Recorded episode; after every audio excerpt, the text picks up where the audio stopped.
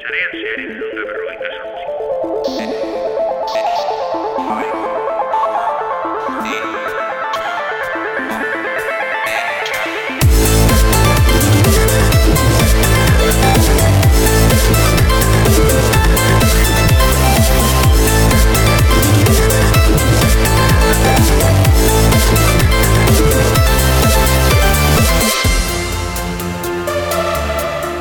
Urte berri on guztioi eta ongietorriak zarean zearen 2008ko lehenengo edizio honetara. Urte berria estrenatuta dugu izan ere aste pare bat, baino ez dira egaro, eta urte berriarekin lehenengo ekitaldiak datoste ere. Urtarrileko azken egun hauetan bi ekitaldi oso interesgarri izango ditugu gure gunean Euskadin. Horietako bat Euskal Hakerat elkarteak urtarrilaren hogeita zeian antolatzen duena da.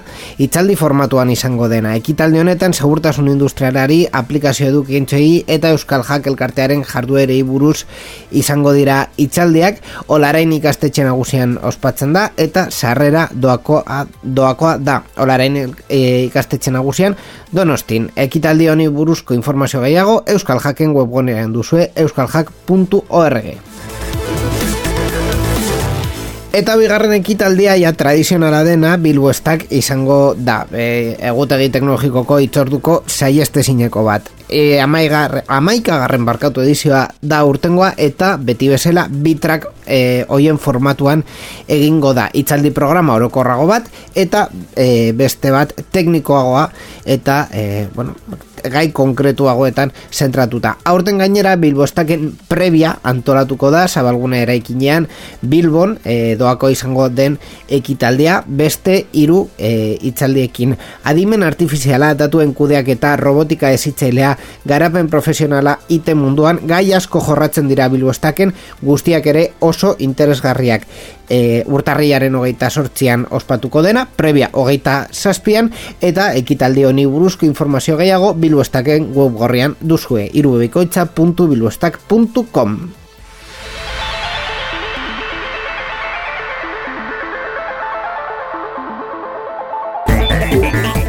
Irratza jo hau Creative Commons aitortu ez komertziala partekatu berdin lau puntu zero nazioarteko lizentziarekin banatzen da. Horrek esan nahi du gure idukiak nahi beste partekatu ditzazkezula. Informazio gehiago nahi baduzu josarean zehar.eus webgunera.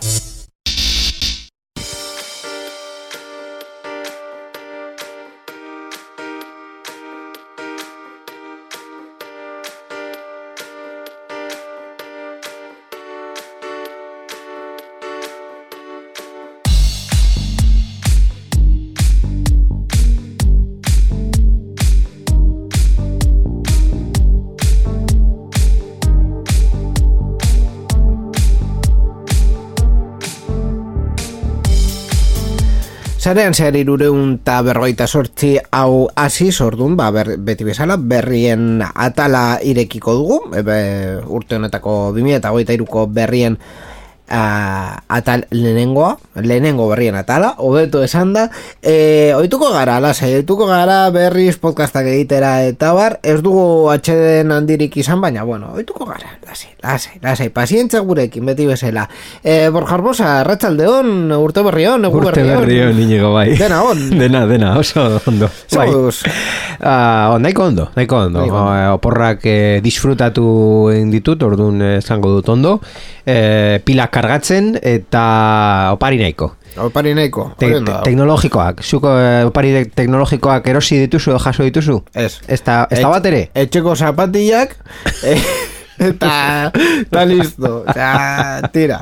Ez, ez dituta opari teknologikoak eh, izan. Ez gaiu, ez software ez, bideojokoak, zerbait. eh, ez, nire opari teknologikoena uste dut izango dela deskubritu dudala edo pentsatu dudala nola e, erabili e, gobernuaren bono digitala ah. zerbait egiteko mm, nire bezitzarekin eta webune pare batekin. Osa, ze, ze opari bai da hori. Bueno. Neko basua Bueno, zu, bueno. zu, zu, nahiko pari ona egin genuen no, dela mm, bi aste izan ziren e, bukatzeko podcast bat e, gurpilberoak Bai. Gure azkenengo proiektu maitatu bat. Oparia gure izan zen, edo trakin bilbaurena gure txat. Ba, O erdia, erdia. Erdizka, bai. Hau da, e, guk e, pasa genuen e, hor e, nahiko momentu honak e, podcast hau grabatzen, eta azkenengo saioa grabatzen beraiekin, eta beraiek, ba, uste dut baiet, ze disfrutatu zuten gure azkenengo saio hoi. Bai, e, gainera oso garden izan ginen, lehenengo momentutik aurkezpen horretan esan genuen begira, eske ez daukagu gehiagorako, sarean zehar eta gurpilberoak ez, orduan gurpilberoak ez, sarean zehar. Eta horrela, bueno, ez, ez genuen aipatu sarean zehar, baina horrela da. E, gurpilberoak podcastaren azken, e, azken atal hori e, egun e, aste batean edorrako zerbait egongo da eskuragarri e, webgunean webguneetan, e, pluralean, baina momentuz ez dago. Osea, que, lasei, de, argitaratuko dugu urrengo, formula, bat formularen urrengo denboraldia hasi hasi baino lehen. Espero dugu. Eta nordak, agian urte honetan berriro ere aurkezten gara sari hauetara mm, proiektu berri batekin. Aukera badaukagu. Bai. Orduan, eta ideiak badauzkagu ere. Bai, bai, bai, bai. Ojo, ojo, hemen ideiak badaude. Osea, Nor, que... no, norbait pentsatzen ari, ari da momentu honetan e, sari hoitara aurkestera, jakin desazuten gu kompetentzia gisa Izango- garela, izango bai. garela, bai. En fin, ba, hori izan da gure gure urtearen azken txampa. E, opari teknologikoak zeintzuk, izan dira? Uh, opari teknologikoak nire kasuan esan behar dudala eh, Alejandra izan duela protagonista Ah, ez daukat, ez daukat. Aja! Uste dut, bai. Bukatu du urtea eta ja ez dago sintoniarik Ba, daukat. Nor da, nor da? Alejandra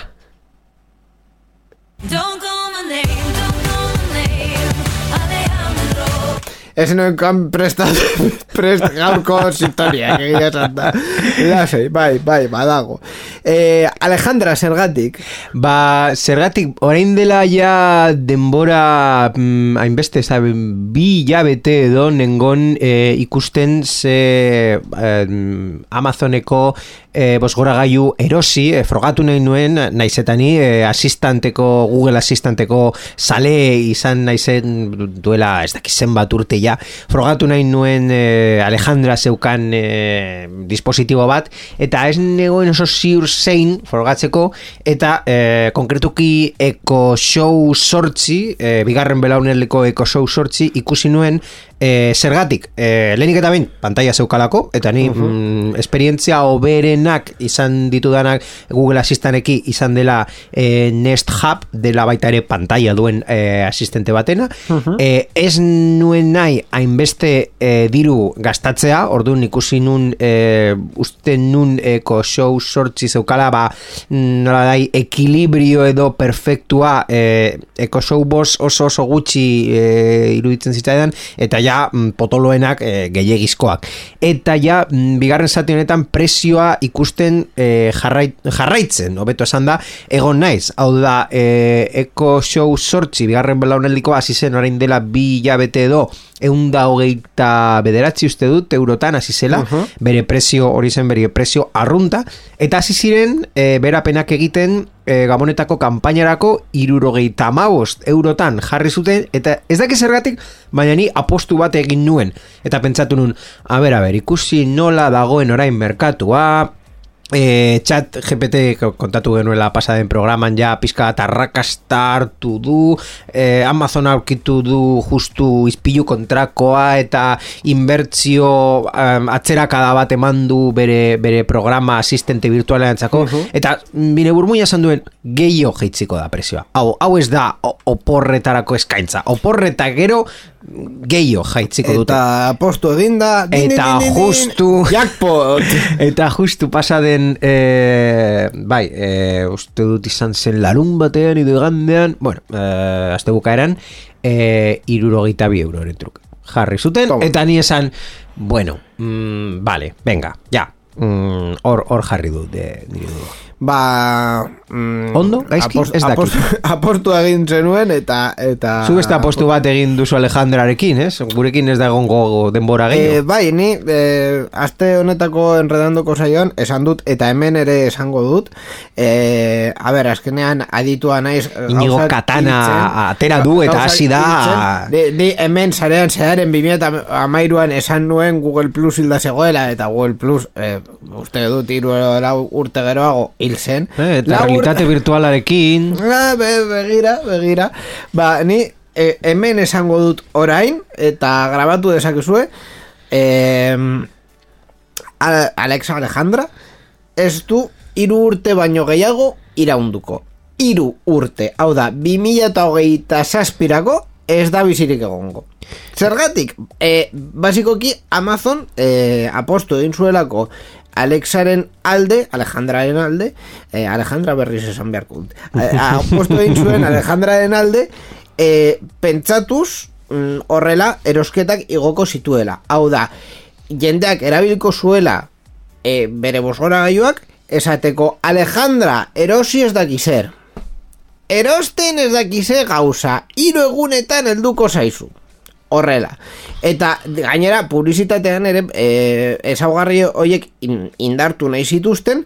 Es que ez da hain erraza, normalmente ez dakizu ze erosi nahi duzun ze pres... Hau da, erosketa deitzen, deitzen den rekurrente edo mm, aldi X batean egin behar duzuna, hau da, adibidez, nire erosketa zesta mm, bat, Claro. eh, justu hor mm, grabatuta daukana, eta eh, zesta modelo de erosi, eta egiten du erosketa. Ez, da, ez dakit. Bukatu zait pasta dentrifikoa, betikoa erosi, eta ja, mm, zenbat alditan erosi Claro, baina beste horrelako- horrelako pedido bat gauzak- egin. Vale, bueno. Horrelako gauzak normalean erosten dituzu supermerkatura joterakoan. Bai. Orduan, eh, Bueno, Amazon supermerkatu bat zeukan, baina ez Claro, Amazon supermerkatu- arrakastandiri gain- gutxienez hemen España agi, agian Amerikako estatu batuetan bai, baina Hemen, eh, hemen ez, gainera hemen eh, orokorrean fresko eh, erosten dugulako, orduan eh, Amazon entzat Bai, bueno. eh, fresko sistema hori diaren eh, dia supermerkatuen bai, bitartez da, dia- esen- dian egin alduzu erosketa Amazon, eh? Esen hain erraza, eh, Amazon, nola deitzen zen Amazon Fresh? Pantry. Amazon Pantry hori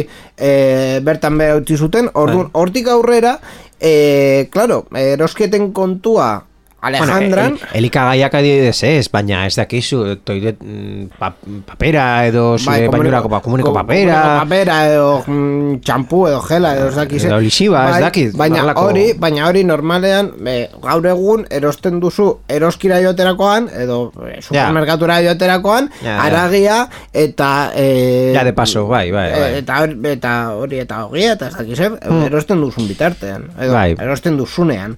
Orduan e, hori Pakete guztia saldu do... Claro, hori zen, azkenean Amazon bilatu nahi zuela, zuena, e, ez duena ez duena eskuratu, orduan, Baita goratu dut, botoi bat atera zutela, zunok, eh, zure Am- Amazon Push, oskailuan jarri eta Bai. mm, hor sakatu eta bai, e, garbigaioan e, jartzeko adibidez, e, sakatzen bazenuen, e, produktu, e, bueno, e, garbigailuko xaboia berriz e, erosteko. E, pro, e, Amazon Push horiek, gero webgunean sartu zituzten ez zuten arrakasta izan, baina bakarrik balio e, zitzaion Amazoni hackerren eskuetan jartzeko botoi asko domotika mo mobidak egiteko.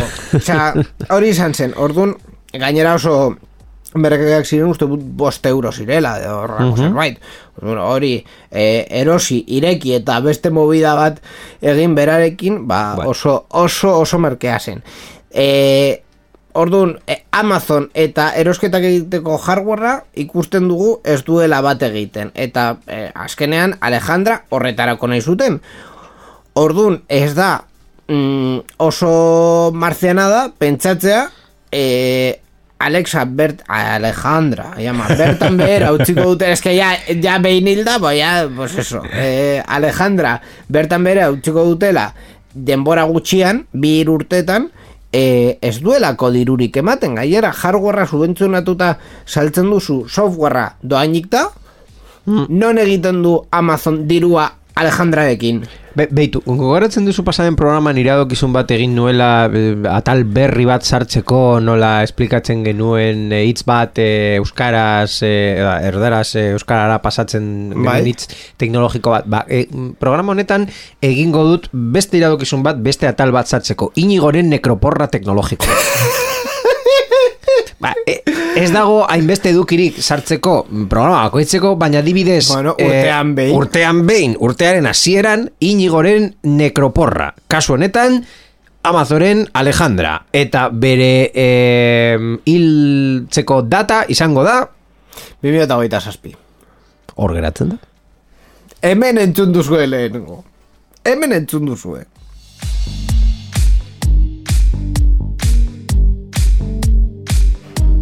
Hemen entzungo duzue ere, por cierto, e, or, e, aparkatu, urteko lehen, e, lehen ekitaldiko berriak, zez 2008 iru daukagulako, e, tradizioa zen e, urteko lehen ekitaldia hau izatea, e, 2008 bat eta 2008 bin, ba, bueno, aldaketak egon ziren batean telematikoa izan zen eta bestean hibridoa, baina ja e, presentziala, betikoa, daukagu zez, Las Vegasen e, Las Vegasen egin, egin dena urtarriaren bostetik sortzira produktu asko eta movida asko e, aurkeztu dira, haien prentsa barran jartzen zuten berrogeita bat produktu kategorietan banatzen zela e, ekitaldia, haien artean adimen artifiziala, realitate virtuala eta areagotua, zibertasuna, hardwarea osasun digitala, eta kriptodibisak. Hauen artean uste dut e, kea izan direla bizpairu, e, kriptodibisak, e, adimen artifiziala, realitate virtuala, hauek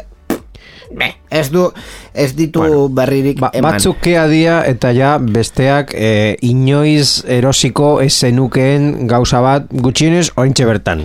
Ez basaude forrado de pasta. Egia da, zezen e, batzutan esperimentuak aurkezten direla. Kontzeptuak. E, tolesten zen mugikorra, zez batean aurkeztu zen. Inork zuen arreta e, jarri mm, movida horri gu esik, gu esan geruen hor movida zegoela eta Samsung hiru hilabete geroago agertu Bueno. zen Mobile World Congressean e, horrelako mugikor batekin, osea, Ez dakitzen bat urte eta gero nire mugikorra oraindik ez da tolesten. Eta zurea?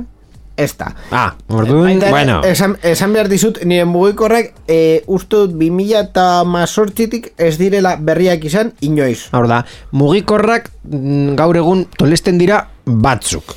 Bi. Baina, Konkretuki Samsungeko Galaxy Fold Bai. eta Galaxy Flip. eta ja. está. Hau da, Portrait eta landscape. Hau, hau, hau, hau da, Eh, mugikor tolesgarriak ez daude merkatua inundatzen.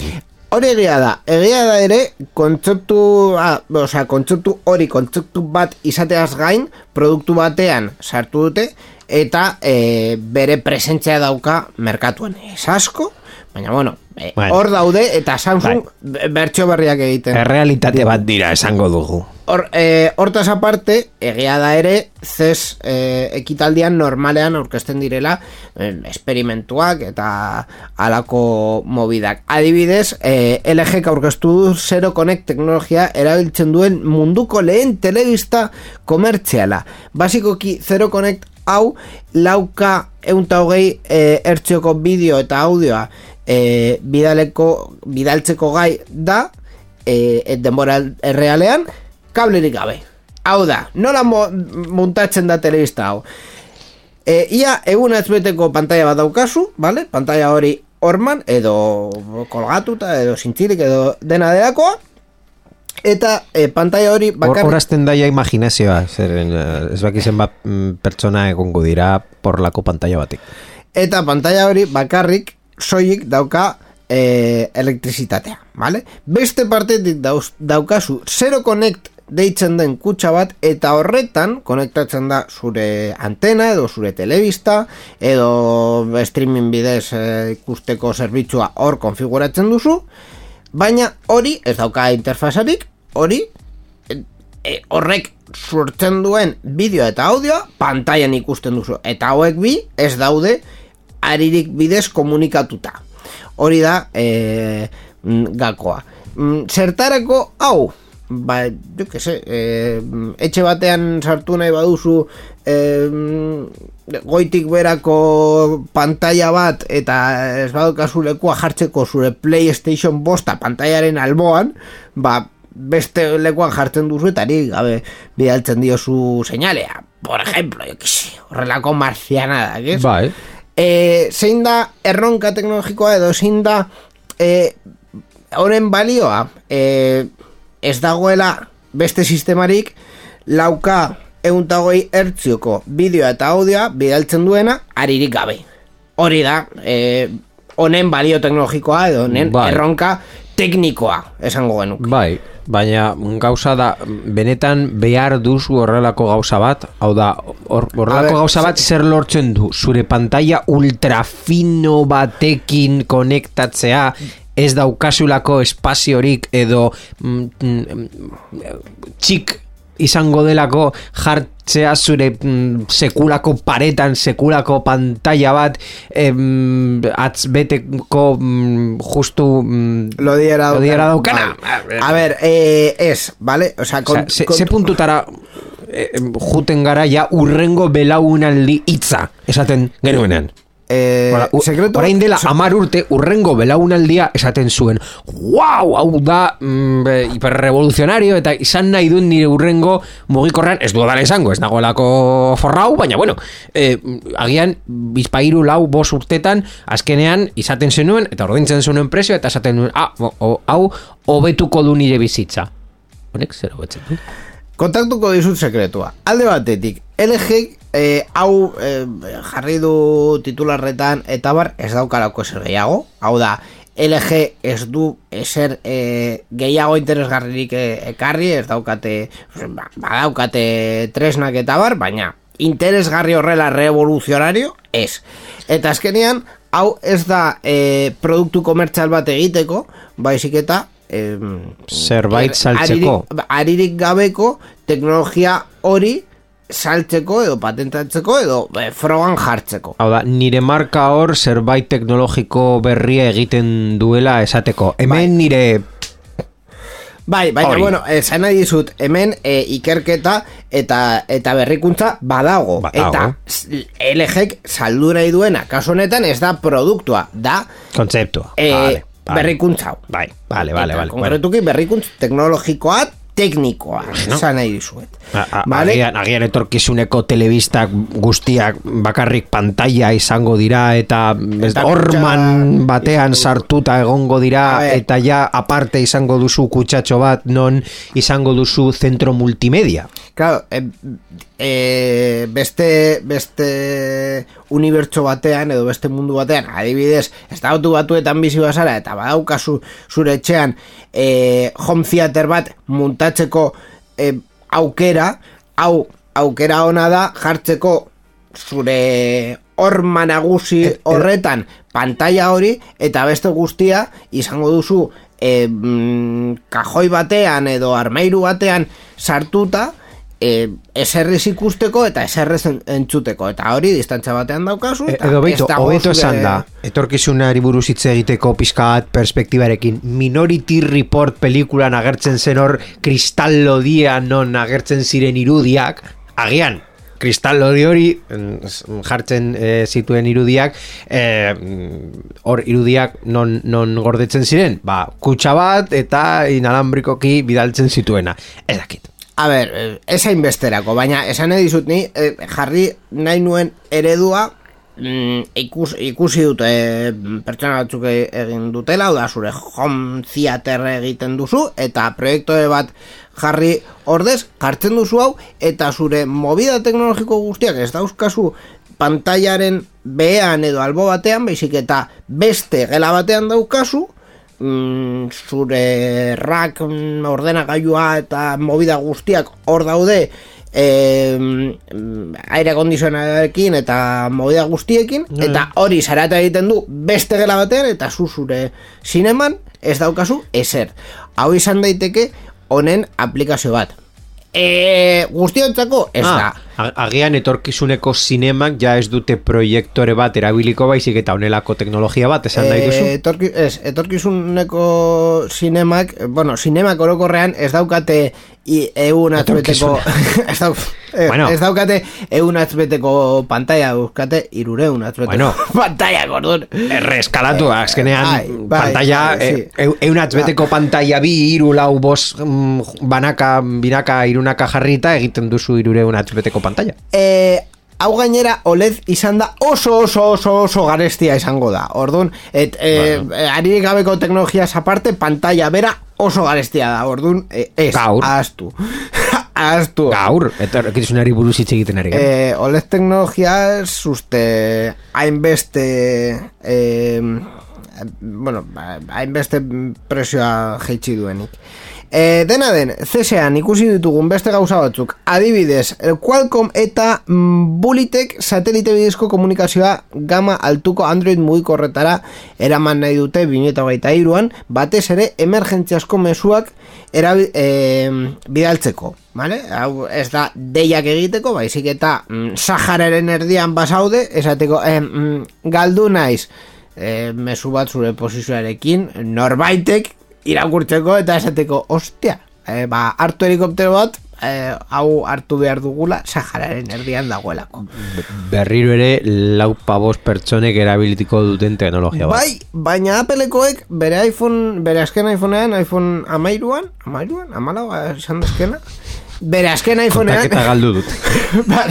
Bere azken iPhonean sartu dute horrelako movida, orduan, e, erabilgarri izan daiteke, hau bai, e, ez kasu guztietan, emergentziasko kasuetan, bai, baina baita ere pentsatu behar dugu, Espainian, e, ez dugula normalean pentsatzen, estaldura galtzen dugunean zer gertatzen den, Espainian konkretuki, ia legu guztietan estaldura dagoelako tuneletan baizik, e, estatu batuetan mm, hirietan badago estaldura, baina e, adibidez autopista askotan ez dago ezer. Baina ezer, ezer. Osea, e, jendea egiten du milaka eta milaka kilometro konexiorik gabe. No, nork ez du ikusi horrelako eh, fotografiak nok agertzen da errepide bat desiertoren erdian. Ba, hor- hori, hori da eh, eh, kasu batzutan estatu batuetan dagoena. Orduan, claro, eh, zentzua dauka eh, testu inguru horretan, ba horrelako teknologiak garatzea eta izatea. Beste partetik, hardwarean, adibidez, eh, beste eredu bat jarriko dizut, a ber, praktikotasuna bilatzen diogun. A ber. Lenovo ThinkBook Plus eh, eh, ordenagailu eramangarri baten apostu apostuaren eh, alde egin du eh, pantalla eh, birakariarekin hau da buelta ematen den pantalla alde batean daukauzuna mm, eh, pantalla normala eta beste aldean eh, tinta elektronikoko panel bat baina kolorez hau da gogoretzen duzu bere momentuan sortu ziren e, ordenagailu portatil tablet hoiek buelta ematen Bai. diozuna eta ba hori, baina pantailan ez daukazu pantalla bak, bakarra baizik eta bi pantalla eta erabili duzu bai e, portatil bai tablet moduan eta Puskatzeko aukera bikoitza. e, eta pantalla normala edo tinta elektronikoarekin Eta bi pantalla badokazu bi aldetik nondik hartzen duzu zapurtzeko. e, ez Gutxien ez tablet Ez. bat hartu duzu, hartu alduzu atxetik eta Ez. hor ez duzu buskatuko. zein da honen abantaia bateria, hau da, ez baduzu behar portatila bideoak ikusteko, aldatu aldiozu pantalla e, tinta elektronikora, adibidez, eta ikusia duzu webgune bat, edo e, zerbait idatxe, edo notak hartu estilus batekin, e, bateria, hain- hainbeste bateria kontsumitu gabe. Bai, ama. Zeren eta bateria hobeagoak egin eta energia gehiago almazenatu eh, dezaketenak, bai, ja hori bai, ja ezinezko jarra- bezala jotzen dugu. Horretan jarraitzen dute, baina uste dut et- horrelako ja, asinto, asintota batera heldu garela. Osea, ja, e, nola deitzen da baterien azken teknologia, ez du gogoratzen, baina dena den, mm, dena suposatzen da, e, arlo horretan egin Alde eh, guztia? zitekeen dena egin da. Anda.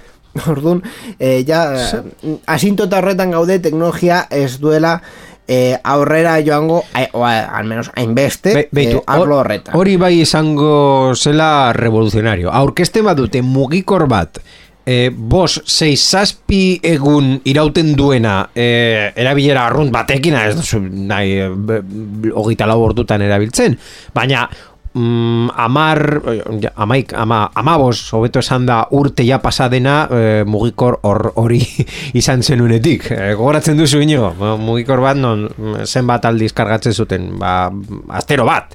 Ja, Konpainiak aurkezten badu CES edo nahi duen eremuan horrelako mugikor bat fijo pillo pertsona egongo lirateke kontzeptua izan da ere, esango zuten, bueno ba, orain agian ez dut iru mila euro ordainduko mugikor hori izateko. Baina Baina hori- hori mm, begirada jarriko diot presioa jisterakoan zeren, jope, eh, bateria egunero kargatzea, baina hori aurkeztu zen, duela urte pare bat uste dut, e, edo gutxiago, e, gogoratzen duzu bateria pila fabrikante bat or- aurkeztu zuela horrela koloria zeukan mugikor bat, ba hori, aste baterako mugikorra, hor daukazu, smartphonea, pa siempre.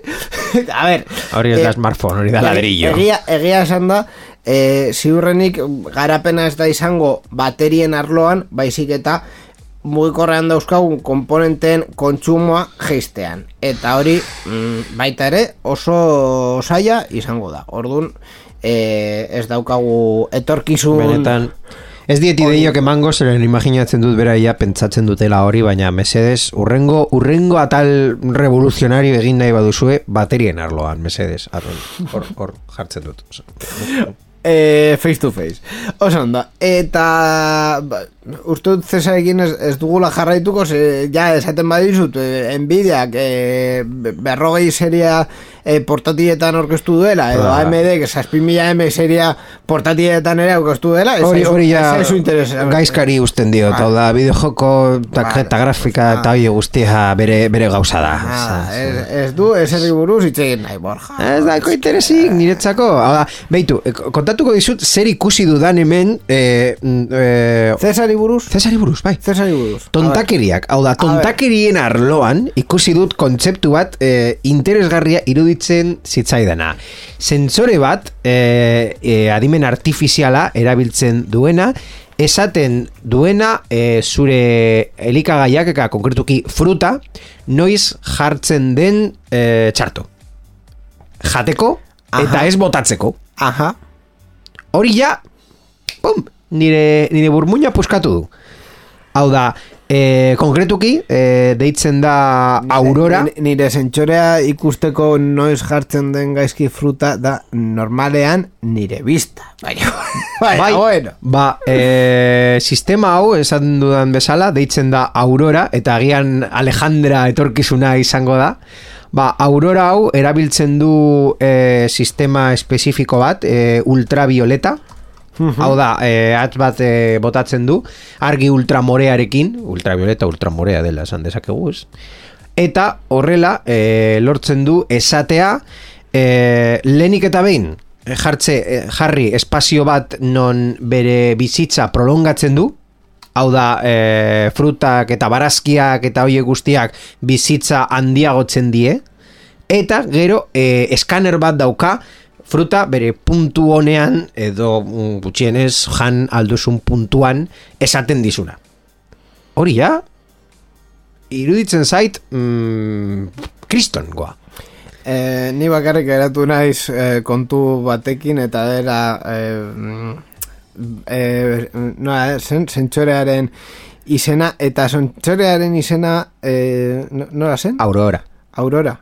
Zu, badak, zu gogoratzen, badakizu zein den aurorarik famatuena? Sei. Errepresentazioa jarriko dizut. Ojo.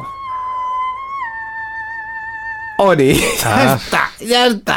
Hori da nire aurora. Eta fruta ikusteko. Di- Disney etorriko da eta jarriko digu, dizu, dizu copyright. Ez, baka, bakarrik entzun dugu neska bat, gainera YouTubeen jarrita, neska bat egiten Bueno. duena, ah, osea, hau ez da copyrighta, ez ez. Disney gutxiagotik etortzen da, eh? Bueno, ba, hemen gaude, a ber, de, Disney hilda dago. Disney egun urte bete ditu, Disney hilda dago. Osea, ez- ez- Venga, beste nore bat nekroporrarako. Venga.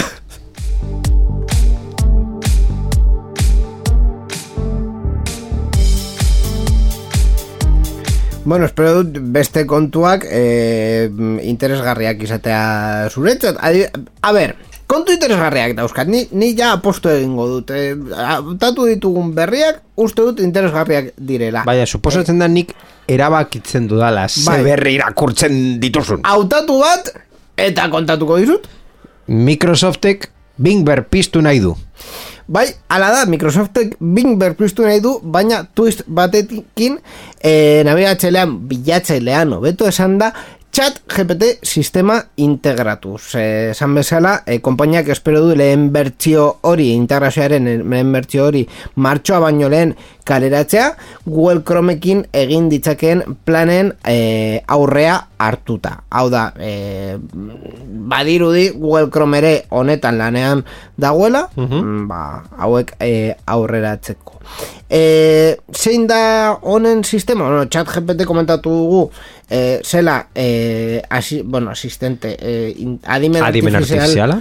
hori e, pertsona baten bezalako testu irteerak ematen e, zituena, zein da helburua edo zein da e, funtzionamendua, ba, konkretuki sartu e, nahi dute e, bueno e, e, adimen artifizial mota horretatik espero genezakeen e, antzerako e, emaitzak, Emaitzak, bai. emateko. Bere lana, e, iak babestutako erantzunak ematea izango da, chat GPTek esteka zerrenda gisa ezagutzen dituen iturriekin. E, bueno, e, azkenean, ba, e, Microsoftek erantzuna e, bingen motorrak ematea nahi du, eta ia hori laguntza bat izatea, chat GPT ez baitago pentsatuta web horrien denbora aldean arakatutako informazioa eskaintzeko. Hau da, e, chat GPT e, informazio hori, e, bing hartu duen informazio hori, prozesatu e, prozesatuko luke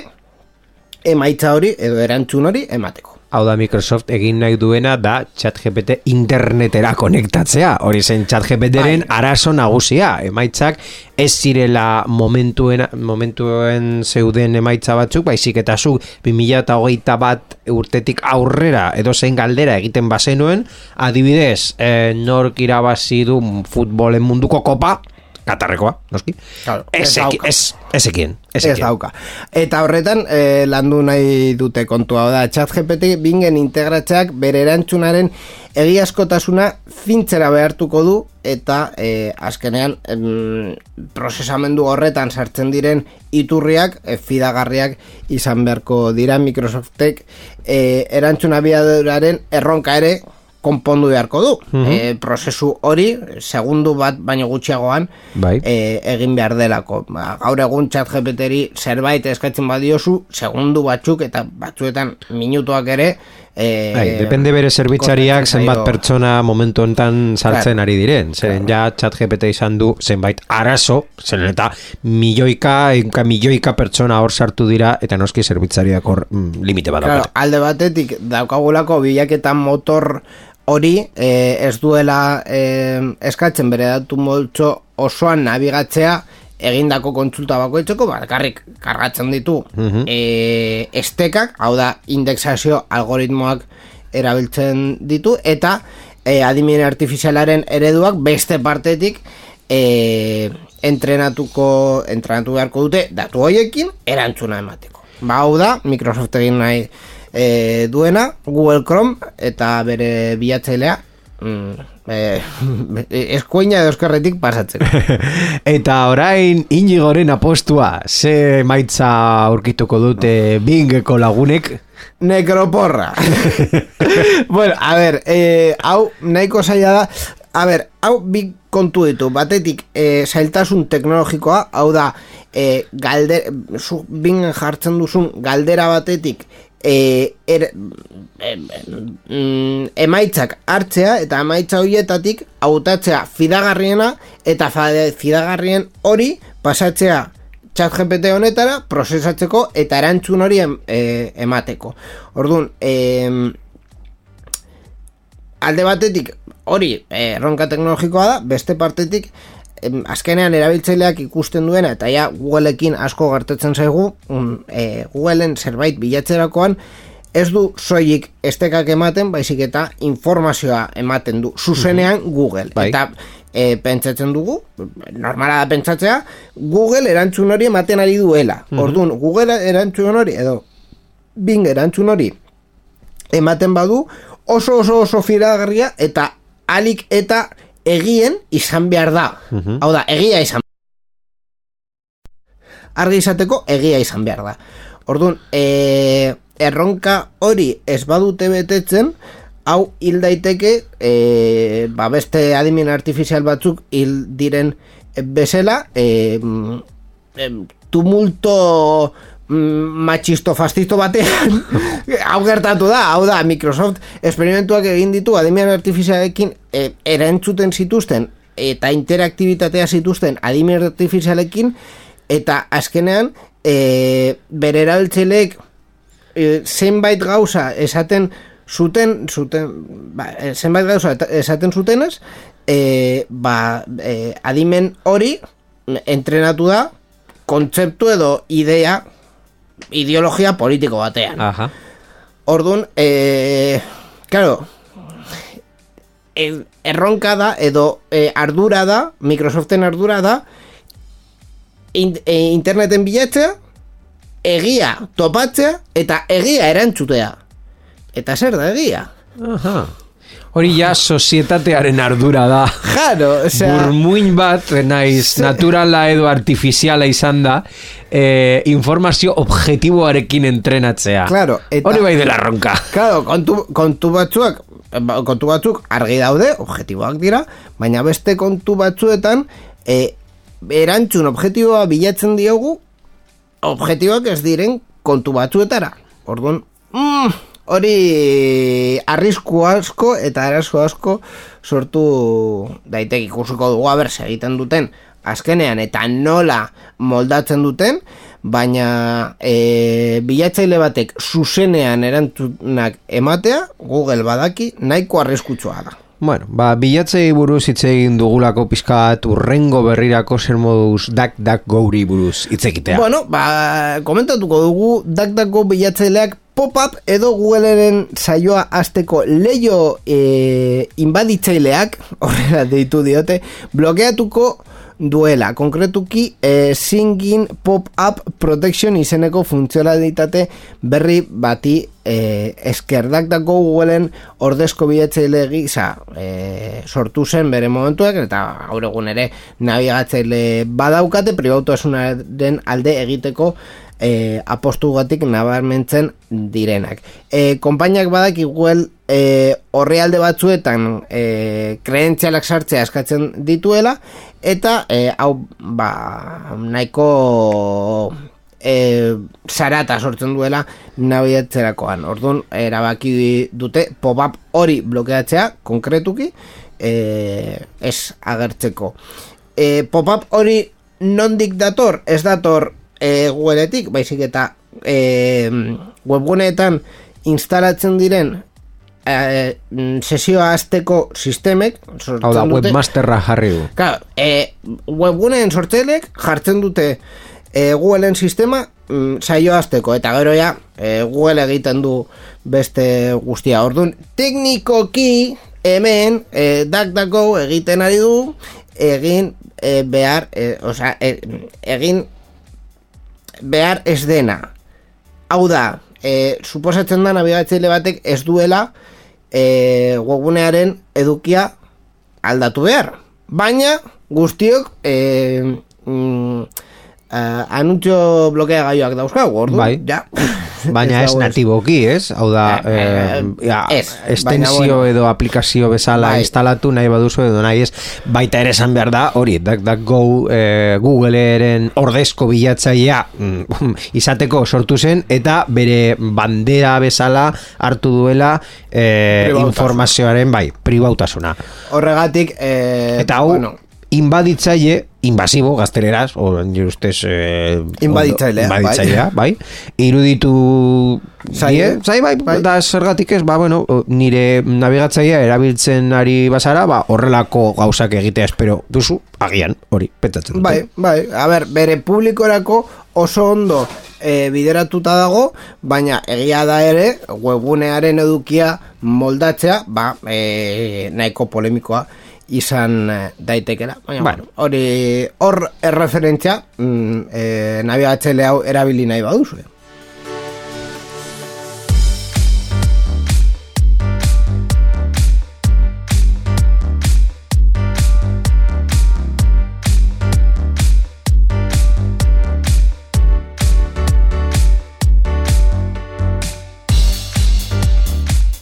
Beste kontu bi dauzkagu, orduan, e, bueno, beste kontu bi, baina denbora daukagu batentzako, orduan, borja, aukeratu. Zer, zer nahi duzu? Bueno, eh, es que Elon ni ez diot publizitate gehiagori eman nahi, baina berria pizka bat eh, ez daki publizitate...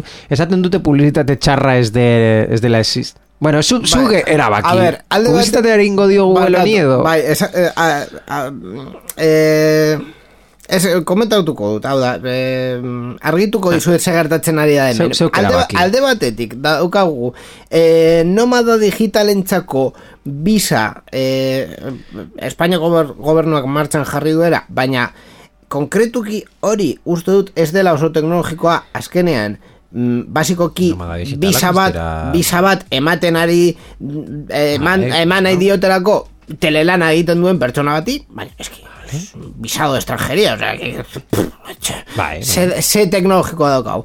Baina beste partetik daukagu Elon, e, baina kasu honetan Eloni buruz barre egiteko erabiltzen, erabili dezakegu berri hau, orduan Elon. Bueno. Ze gertatu da, ba, jakin foro ezagun bateko erabiltzaile batek, laureun milioi erabiltzaileen datuak e, dituela argitaratu duela, eta salgai e, daudela e, komentatu du. Datu horiek jada konpondu den e, kalte beratasun baten bidez atera dira, eta ziberderitu gileak, e, konkretuki God User deitzen dena, esan du 2008 bat, eta 2008 ko hasieran erosi, bueno, eskuratu zituela, eta e, ordaindu nahi badiozue, hogei mila dolarren eskaintzen ez hain merke, duela. berreun, berreun mila. Barkatu, Zero, berreun zero mila- bat hor... Zero bat jandut. Berreun mila dolarren eskaintzen e, dituela.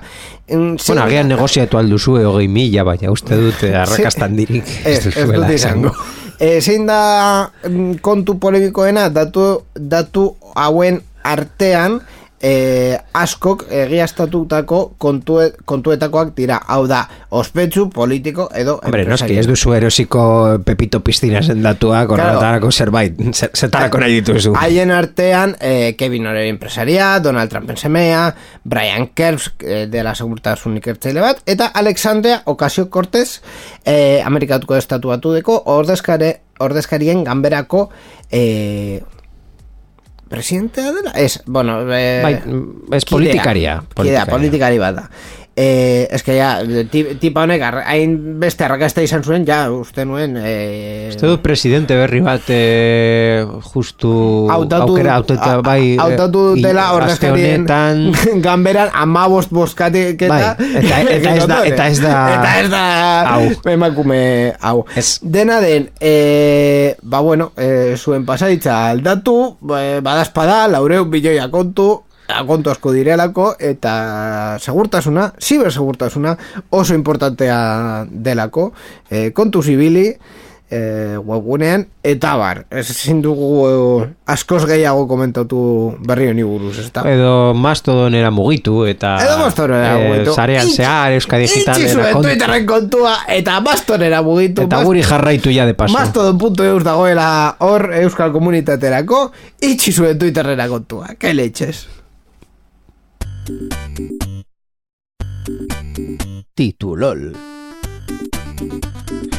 Eta berri hau titulol eh, ez eh, bazirudien, ba, titulol bat izango dugu, hau da nire sorpresa ba, barrea edo ez daki zer, zer, zer daukazu gaur nire txat borja. Ba beitu gau, adimen artifizialaren programa izan delako, ez dakitzen bat aldiz hitz egin dugu adimen artifizialei buruz. Adimen artifizial gehiago, eh? Ba, bai, Ez, adimen eh, artifizial bat gehiago sartuko dut, eta kaso honetan nire sektorean eh, lan egiten duen adimen artifizial legaltek bat.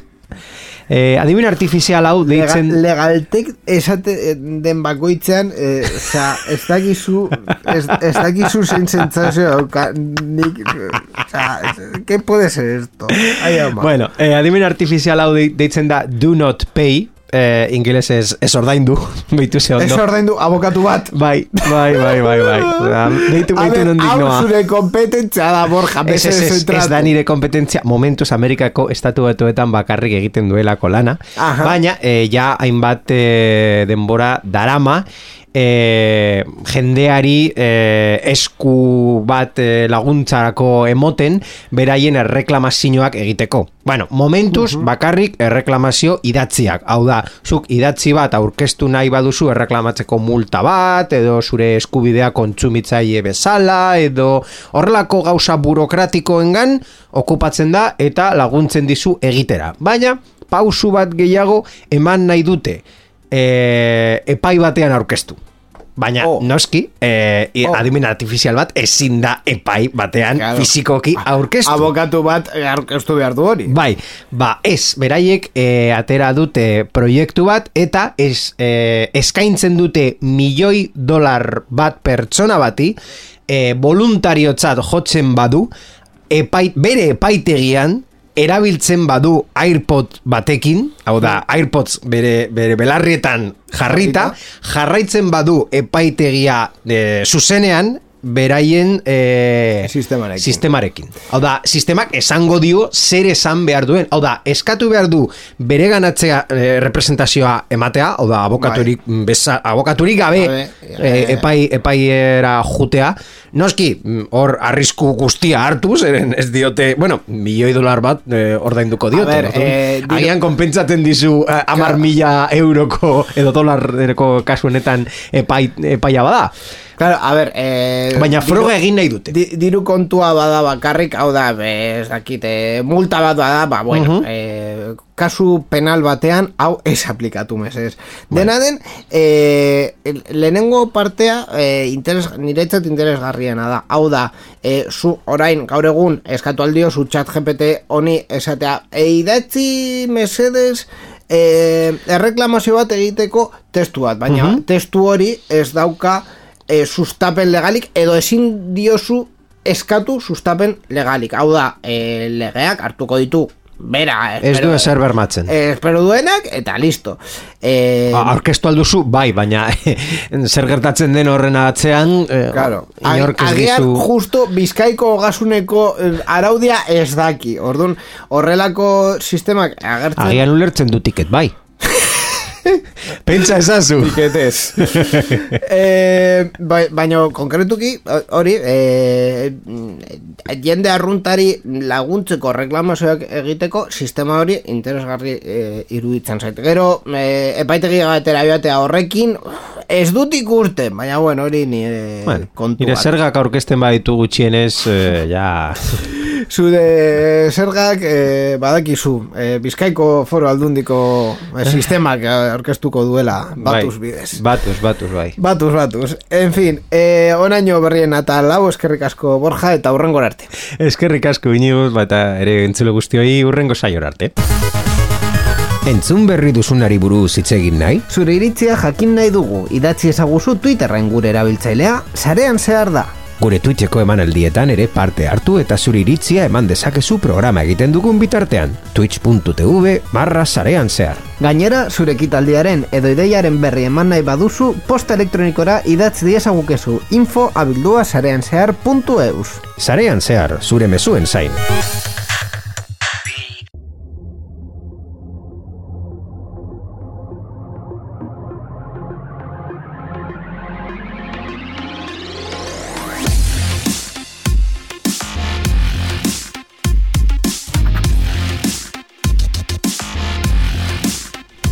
Ba, onain orduan sarean zearen e, urteko lehenengo edizio hau, e, beti bezala, ba, bueno, eskarrak eman behar dugu, e, lehenik eta ben Borja Arbosari berri teknologikoak ekarri dituelako, baita ere Mikel Carmonari e, berrikuspen teknikoan eta ekoizpen lanean egon delako eta irratietan e, dauden teknikari eta ekoizpen taldei ere programa honen emisioa posible egiteagatik. E, datak eman ditugu programan zehar, bueno, Alexaren, Alexaren ez dut errepikatuko badazpada, baina badakizue e, programaren hasieran komentatu duguna, bi ekitaldi dauzkagu e, urrengo asteetarako, parte batetik euskal jaken itzaldi ekitaldi hori, hogeita zeian izango dena, eta hogeita zazpian eta hogeita sortzean e, Bilbon izango duzue Bilbo Stack. E, Euskal Jakena e, lehen esan dudan bezala ere Donostin izango dena haien webgunetan daukazue informazio guztia. Eta gure partetik e, ezer gehiago bi aste barru berriz gara hemen teknologiari buruz e, hitz egiteko eta data hori momentu hori heltzen den arte eskerrik asko zaindu ondo izan agur